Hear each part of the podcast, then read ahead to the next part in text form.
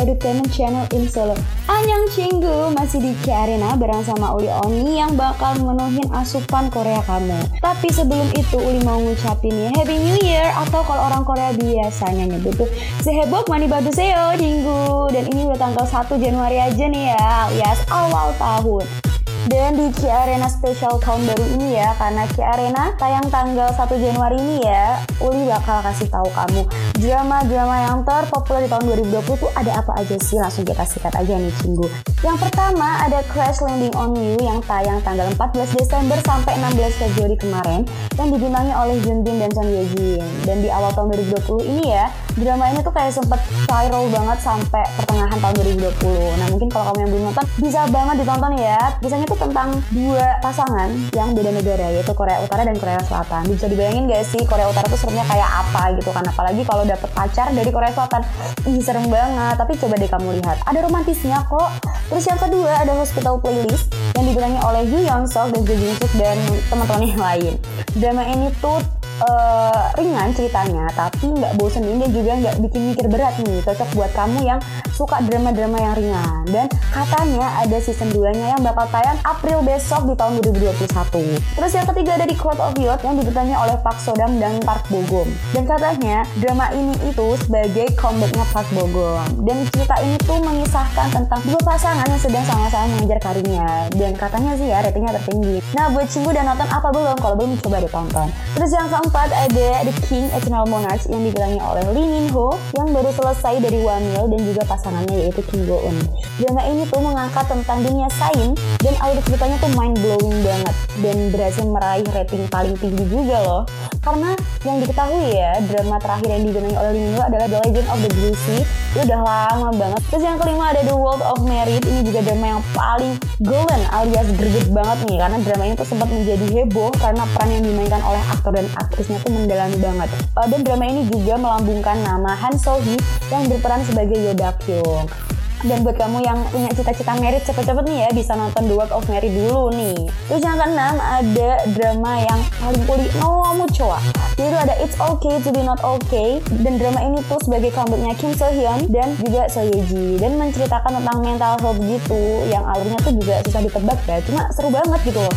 Yang pasti drama ini tuh bikin susah move on ya apalagi sama scene yang sarangnya gang teshi sarangan tagu cinca namu namu namu sarangnya itu itu adalah scene yang paling aku nggak bisa lupain gitu kampus gue ini Terus nih ya, ada Itaewon Class yang dibintangi oleh Park Seo Joon dan juga Kim Dami yang mengisahkan tentang bisnis gitu sih ya. Nah buat kamu yang suka drama-drama yang tentang bisnis itu bisa banget recommended buat kamu tonton. Tapi jangan khawatir, tetap ada romansnya kok.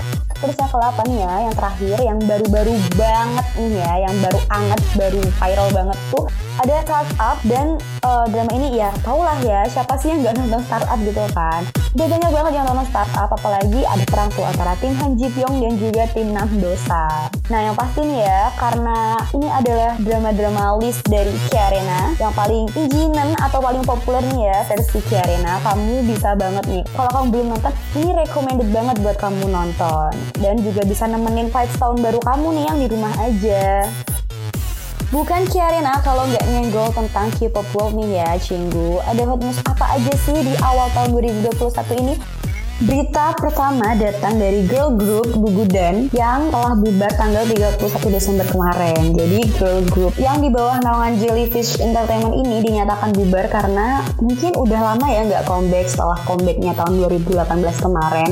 Jadi ya mungkin dibubarin aja. Tapi ya ya semoga member Gugudan bisa berkarir tanpa bersama Gugudan ya dan buat dear friend jangan kecewa karena mungkin Gugudan bisa maju lagi ya tanpa bareng Gugudan gitu loh. Mungkin personel-personelnya yang kayak Ki Sejong, Ki Mina itu kan sudah bermain di dalam drama. Oke, yang kedua ada Jung Il Hon yang keluar dari BTOB tanggal 31 Desember kemarin juga nih kampus Boy House. Dan boy group di bawah naungan Cube Entertainment ini sekarang tinggal 6 member doang karena katanya nih ya Jung Il Hon karena terjerat kasus yang membuat agensi teman-teman dan serta penggabungnya tuh kecewa. Tapi mungkin dengan keluarnya Il Hun dari BTOB bisa memperbaiki diri ya dan semangat buat Il Hun.